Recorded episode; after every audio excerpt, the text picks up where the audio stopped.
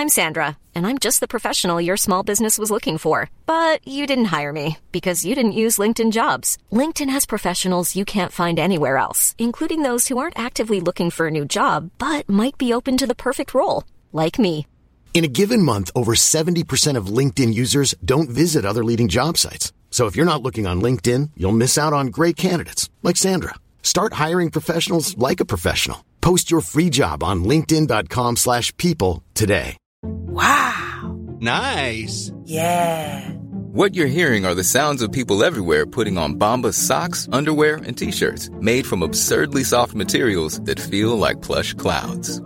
Yeah, that plush. And the best part? For every item you purchase, Bombas donates another to someone facing homelessness. Bombas. Big comfort for everyone. Go to bombas.com slash ACAST and use code ACAST for 20% off your first purchase. That's bombas.com slash ACAST. Code ACAST. Millions of people have lost weight with personalized plans from Noom. Like Evan, who can't stand salads and still lost 50 pounds. Salads, generally, for most people, are the easy button, right? For me, that wasn't an option. I never really was a salad guy. That's just not who I am. But Noom worked for me. Get your personalized plan today at Noom.com. Real Noom user compensated to provide their story. In four weeks, the typical Noom user can expect to lose one to two pounds per week. Individual results may vary.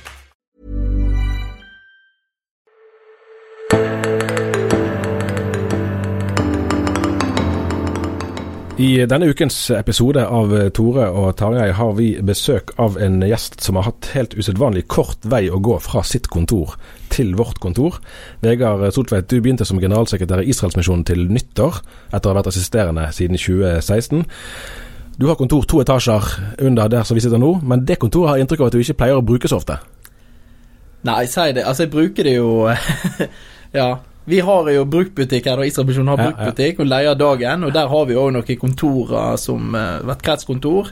Og så bor jeg i Bergen, da, så da bruker jeg det kontoret når jeg er i Bergen, stort sett. Eller så blir det en del pendling til Oslo, men eh, det har vært lite pendling de siste månedene, Ja. så det har vært en del her, da, Ja. faktisk. Ja. Men vanligvis er du mye ute og treffer misjonsfolk rundt omkring i landet og sånn. Ja, det syns jeg er veldig kjekt. Jeg liker veldig godt å reise rundt Å være på møte. Liker å forkynne, liker samtalene etterpå. Jeg liker òg å komme hjem til folk og bo hos Ja. folk når du reiser. Jeg syns det er veldig givende. Og Nå vil jeg bare, si, bare bryte inn her at nå kom Tor Hjalmar Sævik inn på kontoret. Han har uh, hatt trafikale problemer i dag ute der fra uh, vestfronten. Men nå er han på plass iblant oss, så da bare fortsetter vi uh, ufortrødent eh, sendingen videre. Mikrofonen din er på alt, og du kan bare ta plass Fantastisk. og ta del. ja. Israelsmisjonen fylte jo 175 år i fjor. Eh, da fylte du 30 år. Eh, hvordan er det å skulle gjøre, holde på med det der, å besøke misjonsfolket osv., og, og, og lede en organisasjon som er såpass mye eldre enn deg sjøl? Nei, si det. Altså, jeg syns det er veldig spennende.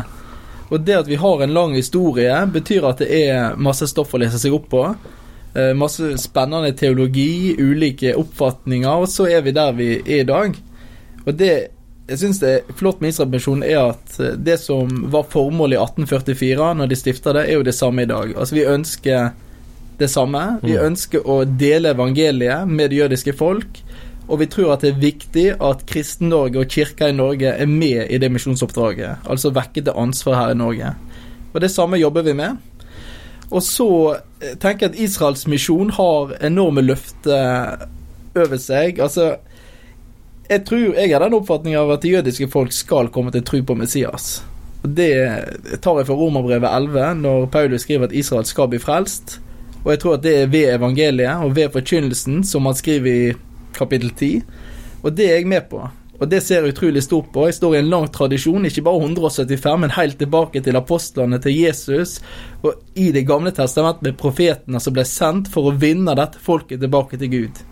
Så sånn sett så er Israels misjon mye eldre enn 175 år. Det er misjon, så lang det har vært. Det var ganske, ganske tydelig tale på landsmøtet i Grimstad i fjor sommer. Der fikk jeg være med. Eh, Både at, at Reidar Valvik, som, som har vært professor på MF i mange år, snakket om at Israels misjon er Norges viktigste misjonsorganisasjon, nettopp ut fra det som du eh, sa nå. Og så var det interessant at Torgeir Flateby, som har vel ledet landsstyret, skjønner jeg, Ja. eh, snakket om at det måtte bli stuerent å snakke om Israels misjon i Den norske kirke. Og Det var jo egentlig en ganske sånn en uttalelse som nesten var ubehagelig aktuell, på den måten at det er jo der Israelsmisjonen har hatt mye av sitt samarbeid. Eh, men det er jo det er vel ikke noe spesielt omstridt å si at, at for den saks skyld misjonsbegrepet, men i hvert fall Israels misjonsbegrepet, ikke nødvendigvis er like lett å, å få gjenklang for i alle deler av eh, folkekirken. Det kan du si. og min opplevelse er jo at det er, går litt på tvers av ulike kirkesamfunn i Norge òg. Det er mange kirkesamfunn som og menigheter og forsamlinger i Norge som er veldig positive til Israel, men ikke har veldig mye med Israels misjonsbegrep å gjøre. Så det går litt på kryss og tvers. Og vi har masse gode avtaler og samarbeid med medlemmer i Norske kirke, og vi har gode avtaler utenfor. Og så er det en jobb å gjøre over hele fjøla. Og der skal vi stå. Vi skal jobbe for å ha gode ressurser på det, og ha god forkynnelse på det. Og være en ressursbevegelse for Kristen-Norge. Og jeg tror ikke at Gud er avhengig av Den norske Israelsmisjonen for å fullføre oppdraget sitt. Det er han ikke. Gud klarer seg eh, godt uh, sjøl, det er min oppfatning. Men jeg tror at Norge og kristne og menigheter og forsamlinger i Norge mister noe hvis dette som Israelsmisjonen står for, og det vi arbeider for, og den teologien vi representerer, forsvinner. Mm. Så vi har en viktig rolle å gjøre, og så får vi lov til å være med på det Gud gjør i den jødiske verden. Og Det er et privilegium, og så er det et stort ansvar.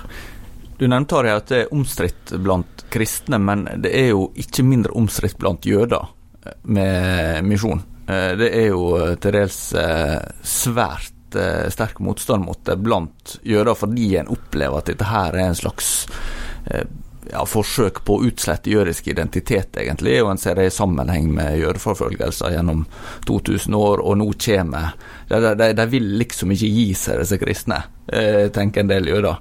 Hvordan eh, opplever du det? Nei, det er helt sant. Og, øh, og det er jo ganske kvasse uttalelser som kommer, ordskiftet her. og og mange jøder vil nok tenke at kristendommen er fienden, og det er verre enn bare jødeforfølgelse. Altså, Nazister og andre ville, ville drepe kroppen, men kristne misjonærer kommer jo for å drepe sjela. Altså, det er mye dypere, det er mer alvorlig. Og det er nettopp for å utslette det, det jødiske. Og for Israelsmisjonen så er det viktig å drive misjon på en respektfull måte, eh, med kjærlighet og i respekt. Og det skal vi fortsette med. Og så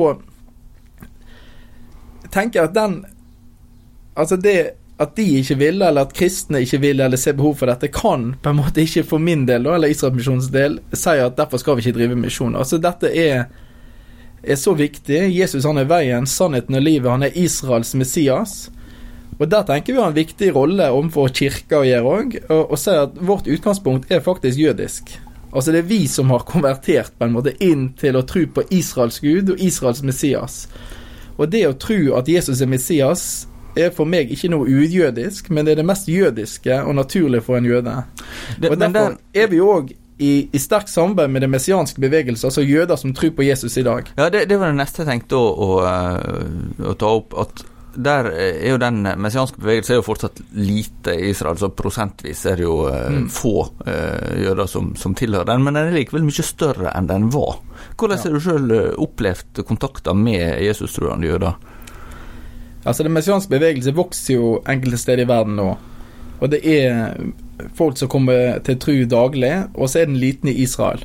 Eh, det er helt riktig.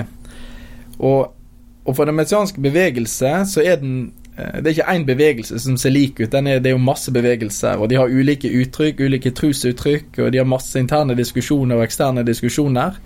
Men felles for dem er vel at mange føler at de faller mellom to stoler her. Altså de Kirka aksepterer det ikke helt som innenfor kirka, fordi at de, de, de, har jødisk med seg, de har jødisk tradisjon osv. Og, så og jødene anerkjenner det ikke som jøder. Og Rabbinerne i Norge gikk jo så langt å si at en jøde som tror på Jesus, har jo ikke bare, han har jo konvertert ut av hele det jødiske fellesskap, skrev han i Vårt Land tidligere i år. Så at de faller mellom to stoler der, det er sårt, syns jeg, i hvert fall for kirka sin del. At vi mister det aspektet, de røttene våre, og det at en jøde kan være jøde og tro på Jesus samtidig.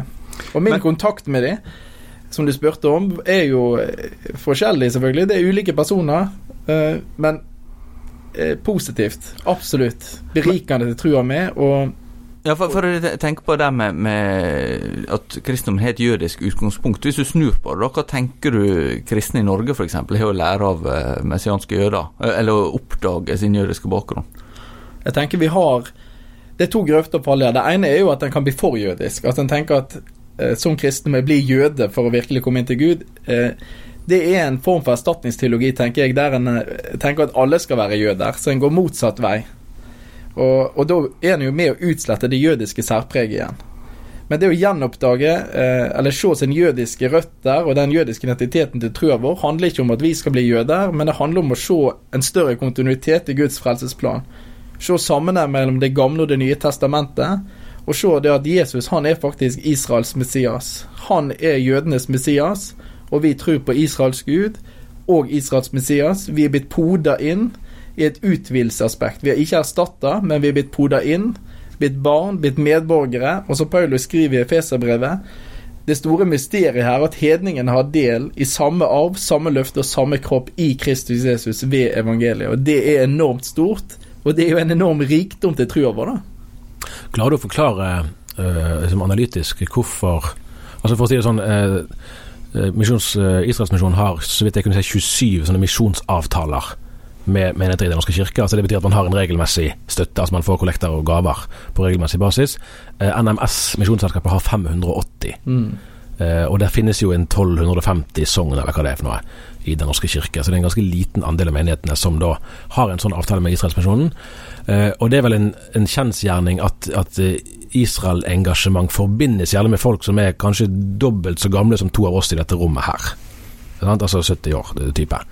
Uh, og Det trenger ikke være rettferdig uh, assosiasjon, men, men, det er vel et inntrykk av det. Og Da lurer jeg på hvordan du som, som har fylt 30 år, opplever det. og altså Hvorfor er det tilsynelatende så vanskelig å rekruttere til dette oppdraget når vi snakker om at det er egentlig så grunnleggende i hele den kristne forståelsen av livet? Det lurer jeg òg på av og til, skal jeg være helt ærlig. Og jeg eh, lurer jo på hvorfor ikke flere menigheter og, og kristne forsamlinger er mer motivert. Vi som er blitt poda inn, som Rombrev Velde snakker om, at vi ikke bryr oss mer om at de første greinene hogger av og ligger på sida. Hva sevje får vi egentlig fra rota da? Eh, jeg tror jo eh, altså NMS har veldig mange avtaler i dette SMM-fellesskapet. Vi er jo sju ja, organisasjoner. og. Ja. Ja, Det er jo sju organisasjoner som er med, og når NMS har nesten 600 avtaler, så er det jo klart at uh, alle har ikke 600, så de har mm. mest. Mm. Og vi, vi, er ikke de som har færrest avtaler heller, uh, men vi Så det er jo et sånt skille der med at noen har få, og noen har veldig mange. Uh, og jeg skulle gjerne sett at enda flere hadde hatt avtale med Norsk Israelsmisjon. Og det jeg har fronta litt og jobber for, er jo at en menighet som har misjonsavtale, det utelukker ikke at de òg kan ha et engasjement for Israels misjon. Mm. Ha en miniavtale eller ha noe i tillegg. Dette er noe som berører alle mm. kristne. Så um, hvis noen hører på der ute, så ta kontakt. Ja, ja, ja. Dette er viktige ting. Ja. Akkurat.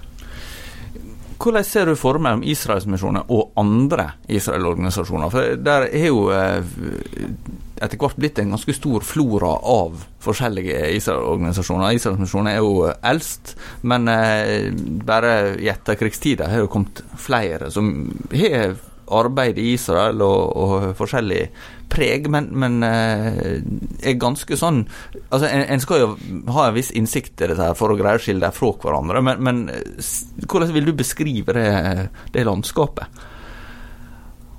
Jeg tror jeg vil snakke mest om og min organisasjon, og det er lett å henge ut andre og sånn, og det, den henger vi ikke Den vil ikke henge med på, altså. Men det som er fordelen med Israelsmisjonen, er jo nettopp Det er ikke noe sånn fordel automatisk at fordi at den er gammel, må den nødvendigvis være god. Det kan godt være litt bedre, men jeg tenker at den tradisjonen vi har, det kjennskapet, nettverket vi har opparbeida oss, det er verdifullt. Vi er med i Lausanne-bevegelsen, har et stort internasjonalt nettverk. Det òg knytter oss jo til flere internasjonale organisasjoner. Og vi er en organisasjon som er opptatt av misjon. Eh, mange av Israels organisasjoner i Norge i dag er jo ikke en misjonsorganisasjon, de har helt andre agendaer. Og Det betyr at det er ikke noe problem å være med i en annen Israelsorganisasjon og Israelsmisjonen samtidig. Altså Vi er en misjonsorganisasjon, men så finnes det òg Israelsorganisasjoner i Norge som har uttalt at misjon overfor jøder er, er, galt. Og for oss er det jo utelukka vanskelig å ha samarbeid med deg. Altså Kjernen vår er at evangeliet skal forkynnes. Men hva er det som gjør at Israel-organisasjoner får så forskjellig engasjement? For, for sånn som du nevner, ser, ser du det samme som da eh, Israelsmisjonens primære oppgave er jo misjon og diakoni eh, retta mot eh, det jødiske folk, særlig Israel, men også i andre land. Eh, men så er det andre organisasjoner som er mer opptatt av eh, Israel i ja, eh, endetidsperspektiv, eller Israel som, som eh, ja, tegn i tida, kan vi si. Hvordan, hvordan har det seg at det blir så forskjellig?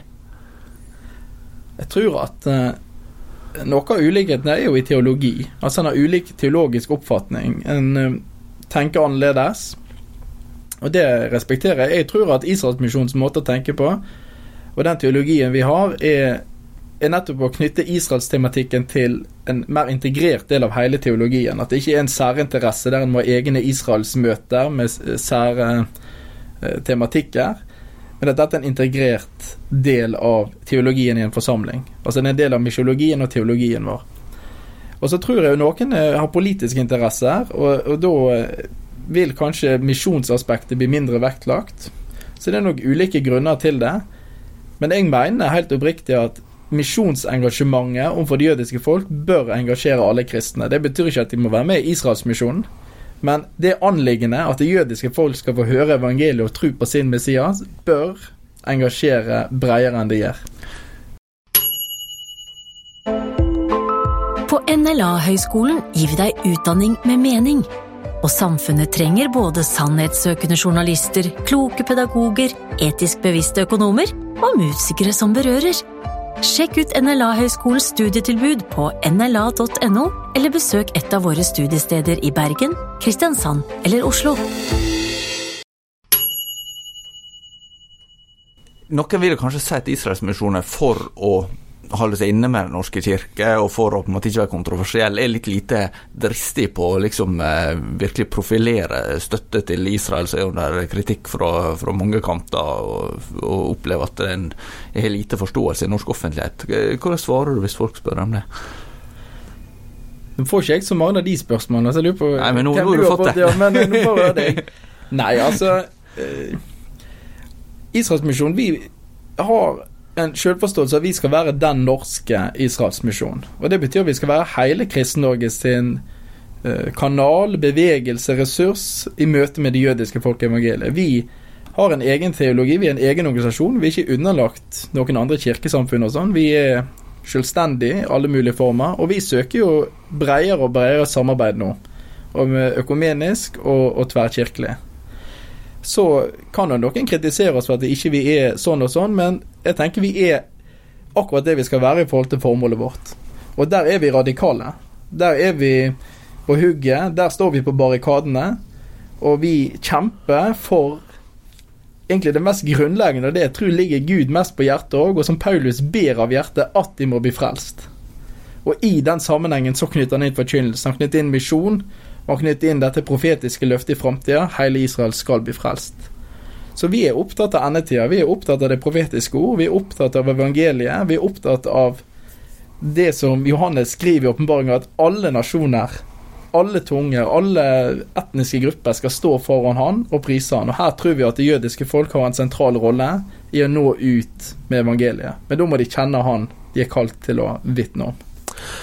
Dere snakket litt om, om floraen av norske Israelsbevegelser og organisasjoner. og Der er, det, der er vel kanskje en kanskje 15 cirka, som det er naturlig å regne med, i hvert fall blant de som har en viss uh, størrelse. og Det er jo riktig at de har litt ulik profil. Noen er jo rene, sånn som Hjelp jødene hjem, er jo et rent fellestiltak med, som, som, i sin tid hjalp jødene hjem. Fra nettopp, ja, og det er vel ikke eh, nødvendigvis kristent heller. Altså, nei, nei, nei, og det var, det var, det var noe poenget. Altså, der var det en rent sånn arbeid med å hjelpe jødene hjem fra det gamle Sovjetunionen, og det er jo flere andre som òg har den, den egenarten, mens andre har en mer ja, en politisk støtte til, til, til Israel. For, for eksempel med Israel for fred òg, har jo en uttalt ikke-religiøs uh, profil.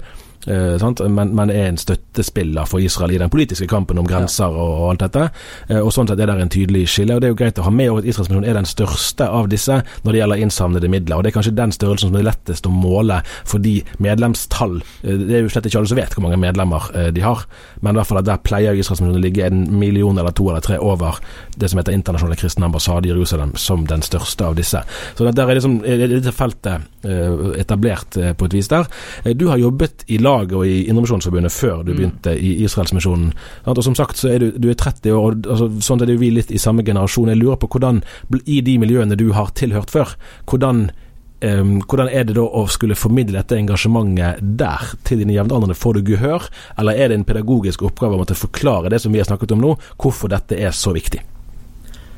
Jeg opplever egentlig at det er veldig gehør, altså, skal jeg være helt ærlig. Jeg syns at når jeg kommer med disse perspektivene og, og leser Bibelen sammen og ser det i en større linje, og nettopp dette med at Israelstematikken hos oss handler om evangeliet, og det er ikke bare snevert inn mot at det kun jødene skal høre evangeliet. Dette, vi tenker jo universelt om dette. Alle mennesker skal høre evangeliet. Og Det er det jeg mener med den integrerte delen av Israelsteologien, som er, godt uttrykt i prinsipperklæringen, som Reidar Valvik var redaktør for mm. i, i, sin tid. Eh, så jeg opplever jo at en, en kommer inn i stadig andre sammenhenger. Jeg var på UL òg her og, og talte om dette. Og Som er Misjonssambandet ja. og Indremisjonsforbundet sitt ja. ungdoms... Uh, og til laget nå så skriver vi en sånn lagslunsj om nettopp Israels tematikk, mm. og at dette er et tema som, som dukker opp. Og vi har òg starta med sånne bibelkurs i Israel i samarbeid med norske skoler. Så at det kommer mer og mer av den interessen her for nettopp å kjenne til konteksten Bibelen er skrevet i, røttene våre, og ta del i Guds misjon. Det er egentlig det det handler om. Ja. Mm. Så jeg syns det er positivt. Men jeg er jo veldig positiv person generelt. det kan du komme godt med i livet. Det skal ikke mye til før de er begeistra og tenker dette går. Ja. Akkurat, akkurat. Nei. Eh, det ble jo gjerne sagt altså, og Man har brukt den parallellen med, Dere var innom det i sted, sant? Med, med jøder som kommer til å tro på Jesus. Hva er det å ligne med? Sant? Og Da, har man f.eks. brukt parallellen nordmenn som, som var med i NS sant, i forbindelse med krigen, at det, det, er sett på som et like stort eh, Eller i hvert fall at det er et svik, opplevd svik, som kan lignes med det i Og da forstår vi sånn intuitivt, selv om vi ikke var født akkurat under krigen, eh, med god margin, for å si det sånn, men, men at vi har hørt og, og blitt fortalt om, om, hvor sterke spenningene var. Men så eh, er det jo sånn at de som nå er 20 og 30 og 40 år i Israel, har jo Altså minnene òg fra fortiden kommer jo på lengre avstand. Eh, og, og, nå sier jo for den saks skyld til og med statsminister Netanyahu vel at, at de kristne Israel-vennene er de beste vennene Israel har. Og Det er jo i og for seg interessant, i og med at han vet jo hva de tror på, men at det skjer likevel en, en mentalitetsendring. da, At avstanden kanskje ikke oppleves fullt så stor som, som tilfellet kunne være eh, for la oss si en generasjon eller to da, tilbake. Men, men, kjenner du igjen det bildet når du er i Israel og kontakten dere har med folk der, eller er dette bare en sånn som kristne ønsker, ønsker å tenke? Ja, Si det. Det er vanskelig å svare sånn. Eh, personlig opplever det veldig positivt, altså. Jeg syns det er kjekt å være i Israel. Jeg, uh, jeg syns jo at det landet og staten òg er et, et, bevis, eller et, et trusstyrkende ting. Da. Så alt dette er fint for meg. Og jeg skjønner jo òg at uh, Benjamin Netanyahu og andre uh, ser at kristne uh, særlig, Men han tenker vel særlig på kristne sionister. Sannsynligvis gjør han det. Ja. og det er jo en stor støtte til både mm. staten Israel mm. i all hovedsak. Og, men samtidig så vil jeg tenke at det som har med misjon å gjøre, altså det aspektet vil han være imot. Mm. Så her er det jo snakk om ja, hva er det Det har vært lovforslag i flere omganger òg om å begrense. Ja. Ja, og Israel er det jo antimisjonsorganisasjoner, og det er mm. vanskelige forhold ofte for messianske der og for misjonsorganisasjoner. Så det skal ikke legge skjul på ellers.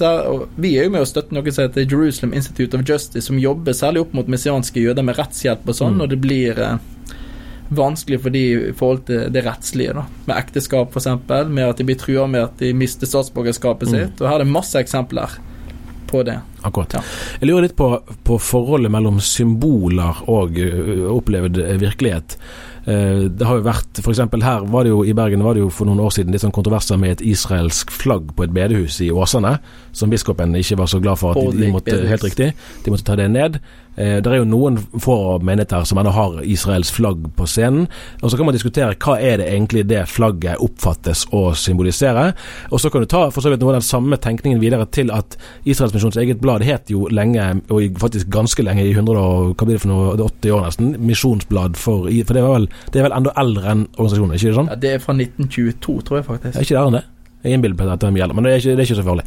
Misjonsblad 1822, mener jeg. 1820, ja nettopp, så da er det mye eldre enn organisasjonen. Det var det som var poenget. Misjonsblad for Israel, nå heter det Først. Ja. Sant? Altså, er det sånn at flagget, og i og for seg til og med navnet, at det er blitt så ømtålig at, at det nesten står i veien for å kunne appellere til det engasjementet som vi snakker om her, og som du igjen vil si er, er, er, ikke er noe, noe som bare tilhører én interessegruppe i Den kristne kirke, men som virkelig er noe som, som med nødvendighet egentlig må angå alle som leser Bibelen.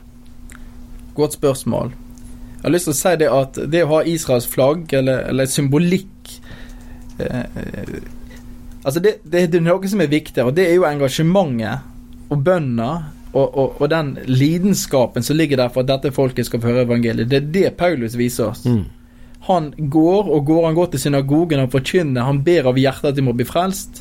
Og det er nok den eh, vil nok jeg appellere til først og fremst. Hvor blir det av dette hjertesukket, denne bønnen og det engasjementet eh, med å forkynne evangeliet i respekt og kjærlighet, og drive misjon, som er holistisk hos oss? Det betyr jo både evangelisering og diakoni og alt Mm. eh, er inne i misjonsbildet her. Og så tenker jeg at Israel har nok endret seg i oppfatningen vår de siste ti årene. Det har det. Eh, og det er når jeg snakker med folk òg, så er det Israel, da tenker de på staten Israel. Mm. Israel er jo i utgangspunktet et eh, hedersnavnet på det jødiske folk. Altså det er et folk, det er et slekt, det er en familie. Og for Israelsmisjonen så var jo eh, Det var jo grunnen til at navnet ble valgt. Mm. Hedersnavnet på det jødiske folk. For det ble jo eh, Den ble starta over 100 år før staten ble Ja, opprettet. Nettopp. Nei, og det er jo et viktig poeng. Ja. Det er korrekt. Og, og, og der har vi nok en altså, kommunikasjonsutfordring.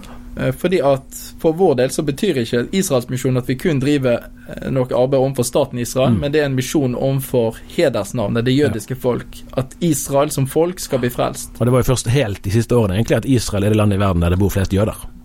Ja, Ja. og vi driver arbeid i andre land òg. Vi har nettopp starta nå eh, å, støtte misjonær, norsk misjonærutsending til, til London, f.eks. Og jobber blant 60 000 israelske jøder i London. Altså hebraisktalende jøder der, og det er en enda større jødisk befolkning i London i Mm. tillegg til de. Jeg traff også eh, for noen år siden var i Romania en som eh, Israelsmisjonen samarbeider med der. da. Og det var, det var ganske interessant, for jeg hadde jo eh, Det er jo et av de landene som, eh, som det tradisjonelt har vært en del, en del jøder i, men som også har opplevd ganske store utfordringer der Ja. med, med antisemittisme. Og det, det er jo et eh, tema som dessverre stadig er aktuelt med, med antisemittisme. Påvirker det dere arbeid noe rundt omkring? Altså Antisemittisme er en sykdom som det ser ut som vi aldri blir eh, kvitt. og Det betyr at vi stadig må kjempe mot antisemittiske holdninger og rasisme generelt. Og For vår del så, så har vi fire greiner vi tenker at vårt arbeid skal være preget av. Det ene er altså diakonale ting. det er Vi har evangelisering og disippelgjeng. Vi har fred- og forsoningsarbeid, og så har vi solidaritetsarbeid. Og Innenfor solidaritetsarbeidet vårt så ligger det òg eh, antisemittisme, altså forebygging. Og det er viktig. Og det vi har sett de siste årene, altså med egentlig en oppblomstring, en sørgelig oppblomstring av antisemittiske holdninger og handlinger i Europa. I Frankrike har det jo vært veldig økning, men også andre plasser. Så, så er det helt klart en kamp som vi må kjempe. Det er en sykdom som De som har den, de dør ikke av det, men det er det jødiske folk som dør av eh, antisemittisme. Det er en forferdelig ting. Og det skal Israel-misjonen kjempe for, og stå på barrikadene for å forebygge både holdninger og handlinger som er antisemittiske. Ser du utslag av uh, antisemittisme? Noen vil jo heller bruke ordet jødehat eh, for, for å Ja, gjøre enda klarere pedagogisk hva det er snakk om. Da. Men, men ser du at eh, det lever antisemittiske holdninger eller jødehat også blant kristne, kanskje uten at det nødvendigvis er erkjent? Jeg tror at uh, dette er noe vi må bevisstgjøre oss på, og bevisstgjøre hverandre på. Hva er jødehat. Hvor er grensa for dette? Jeg reagerte veldig når NRK sendte den satirevitsen, ja. for eksempel. De hadde nok ikke tenkt at dette var antisemittisk, men det er det. Mm. Og, og, der tror jeg ikke vi skal ha definisjonsmakta, men jeg må faktisk se hva er det eh, historien viser oss, hva er det det jødiske folk opplever, hva er det som gjør at en nører opp under holdninger. Ja, det var vel en sketsj der en, en, skulle på en måte teste tabu, og så var det en, eh, et, et slags Scrabble-ord en skulle finne, og det var jødesvin. Ja. Stemmer ikke det? Jo, det stemmer. Det. Ja, det var han gutten ville ikke si det, da ja. det ordet han hadde ja. kunnet legge i Scrabble. Ja. Det er riktig. Og i seg selv så er det en sketsj man kan tenke ja, er det så farlig, da? Men det er ordet, det er holdninger, som viser noe. Der tok jo NRK en selvkritikk. bare ja. har, og det, det, er jo ja. vist for å husker ikke hva det, den undersøkelsen til HL Senter i Oslo ble gjort, var det 2012 eller ja, ja, så er det blitt oppfølger og, i hvert fall en gang siden. Ja, og, og, den viste at det var nesten 40% av uh, norske folk som hadde eh, mm. til en viss grad, iallfall, mm. som elementer av antisemittiske holdninger. da. Ja, det er jo lett. Altså Bare den tegne tegninger, f.eks. Altså, sterke karakterer med stor nese osv. Eller at en har en tanke Ja, men det er mange rike jøder i USA, så de styrer nok verdensøkonomien. Altså ja. Sånne eh, på en måte konspirasjoner som ligger der, det dukker opp, ja. ja. Det var jo for så vidt et ganske sånn talende eh, illustrasjoner. Vi har jo hatt en, en større artikkelserie nå om, eh, om, jøder som måtte betale ganske mye penger for å komme seg ut av Norge i forbindelse med krigen. Og så intervjuet vi Ervin Kohn, som mm. er på en måte kanskje Norges mest kjente eh, jøde, nå levende. I hvert fall en av de. Eh, og han bare sa helt opp at egentlig så vil jo jeg for alt i verden ikke snakke om jøder og penger i samme sammenheng. Selv om her var det jo all verdens grunn for å gjøre det, men at han vet godt at hva slags forestillinger som, ja. som, finnes, og som i høyeste grad lever rundt omkring. Eh, sånn at selv der så kvidde han seg egentlig for å si noe som helst som, som uh, hadde de to ordene. Og det, det, sier jo ikke så rent lite. Du, vi nærmer oss uh, slutten. Du tok over en jobb som din forgjenger Rolf Gunnar Heitmann hadde hatt i 22 år. Det er jo, du skal slippe å svare på om du skal sitte like lenge. Sant? Det er vel ikke så mange som kan legge planer 20 år frem i tid. Eh, men du har jo vært i organisasjonen i noen år før du tiltrådte som generalsekretær, eh, så du har vel sannsynligvis et bilde av hvor henne du ser at ok, her er det nok behov for å gjøre noen grep, om det gjelder strukturer eller profilering. Hva er det du vil, eh, vil gjøre med Israelsmisjonen i de kommende la oss si, fem eller ti årene? da? Altså Det vi skal jobbe med Israelsmisjonen, og har begynt med og skal fortsette med, er jo hvordan vi kan være en bevegelse i Norge og internasjonalt. Eh, en bevegelse som er en ressurs overfor menigheter, overfor fellesskap, overfor enkeltpersoner. Hvordan vi kan være en kanal og ha gode ressurser som, som hjelper menigheter og forsamlinger. Så hjelper enkeltpersoner til å tenke helhetlig, og hvordan israelsteologien blir en integrert del av det å drive menighet, det å drive kristent arbeid. Og så skal vi se på utarbeidet vårt òg, og hvordan er det vi, vi møter, hvordan bygger vi bruer. Eh, og, og, et, og vårt store prosjekt i Israel framover blir jo et sånt disippelskapssenter, der vi ønsker nettopp å knytte det internasjonale og det lokale tett. Så vi, vi, har på planene her nå å bygge et senter som kan ha overnattingsmuligheter, der vi kan kjøre dobbeltkurs, både lokalt kurs for israelsk eh, ungdom, bibelkurs på altså messiansk ungdom på tre måneder, og norske eller internasjonale ungdommer som kommer samtidig. Det er to ulike, men at knytte vennskap, knytte bånd. Og at vi kan bidra til en positiv, disippelgjørende tanke. For eh, det er klart at arbeidet vårt i Israel har jo endra seg. Fra vi begynte der og pionerte egentlig ting. Det var ingenting. Og Moniz Solheim kom, det ble pionert masse. Nå har vi vært der i over 70 år i Israel. Og den messianske bevegelse er jo større, og det er utrolig bra. Men det òg gjør jo at vi må endre oss. Hvordan skal vårt misjonsuttrykk der være? Og Der ønsker vi å invitere folk med på det. Vi ønsker å og vi har god kontakt med messiansk bevegelse, og vi er i samarbeid der. Så det er Altså, jeg tenker på framtida, så er det utrolig spennende. Både fordi at det er løfterikt, og fordi at det er ting som skjer. Det er jøder som kommer til tro på Jesus i dag. Du nevnte Romania, men også Ukraina kommer det masse jøder til tro nå. Og i Israel også ser du at eh, hele terminologien messiansk jøde, som for noen tiår siden var helt ukjent, er kjent nå. Folk vet hva en messiansk jøde er. Det er ting som debatteres i avisene, det er ting som blir snakka om. Og dette er blitt et tema som eh, er mer bevisst. Og alt dette her gjør at det er superspennende. Og vi vet òg og hører at inni de mest ultraortodokse områdene i Israel, så er det rabbinere som tror på Jesus i all mm. hemmelighet, som ikke tør å stå fram. Og eh, ja Det er bare Det er utrolig spennende. Altså, jeg, eh, det å få være med på dette her, og skal være med å utvikle dette, og få være en ressurs og en misjonsbevegelse som går med evangeliet, det har jeg enorm eh, tro på, og, og gleder meg og er takknemlig for at jeg får lov til å være med på, altså. Akkurat. Har du forresten sett den Netflix-serien som heter Unorthodox? Jeg har sett litt. Ja, den kunne vi egentlig snakket ganske lenge om. Ja. Men det er kanskje en annen Det tror jeg kanskje er tema for en annen episode. Men det har kommet flere serier egentlig på Netflix som handler om ultraortodokse Ja. miljøer og sånn. For det kan man jo Ja. se på fra helt forskjellige ståsteder, for å si det sånn. Ja. Men, men apropos eh, det siste du sa der.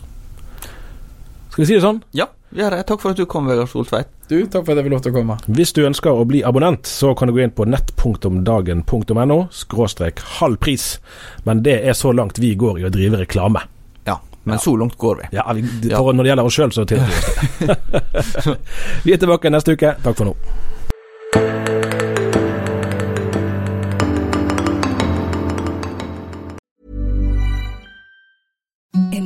Softest sheets you've ever felt. Now imagine them getting even softer over time. That's what you'll feel with Bowl and Branch's organic cotton sheets. In a recent customer survey, 96% replied that Bowl and Branch sheets get softer with every wash. Start getting your best night's sleep in these sheets that get softer and softer for years to come. Try their sheets with a 30-night guarantee. Plus, get 15% off your first order at bowlandbranch.com. Code BUTTERY. Exclusions apply. See site for details. Hi, I'm Daniel, founder of Pretty Litter. Cats and cat owners deserve better than any old fashioned litter. That's why I teamed up with scientists and veterinarians to create Pretty Litter. Its innovative crystal formula has superior odor control and weighs up to 80% less than clay litter. Pretty Litter even monitors health by changing colors to help detect early signs of potential illness. It's the world's smartest kitty litter. Go to prettylitter.com and use code ACAST for 20% off your first order and a free cat toy. Terms and conditions apply. See site for details. When you make decisions for your company, you look for the no brainers. And if you have a lot of mailing to do, stamps.com is the ultimate no brainer. It streamlines your processes to make your business more efficient, which makes you less busy. Mail checks, invoices, legal documents, and everything you need to keep your business running with stamps.com. Seamlessly connect with every major marketplace and shopping cart. Schedule package pickups and see your cheapest and fastest shipping options from different carriers. With rates up to 89% off USPS and UPS rates. And with the Stamps.com mobile app, you can take care of mailing and shipping wherever you are. Make the same no-brainer decision as over 1 million other businesses with Stamps.com. Sign up with Code PROGRAM for a four-week trial, plus free postage and a free digital scale. No long-term commitments or contracts. That's Stamps.com. Code PROGRAM.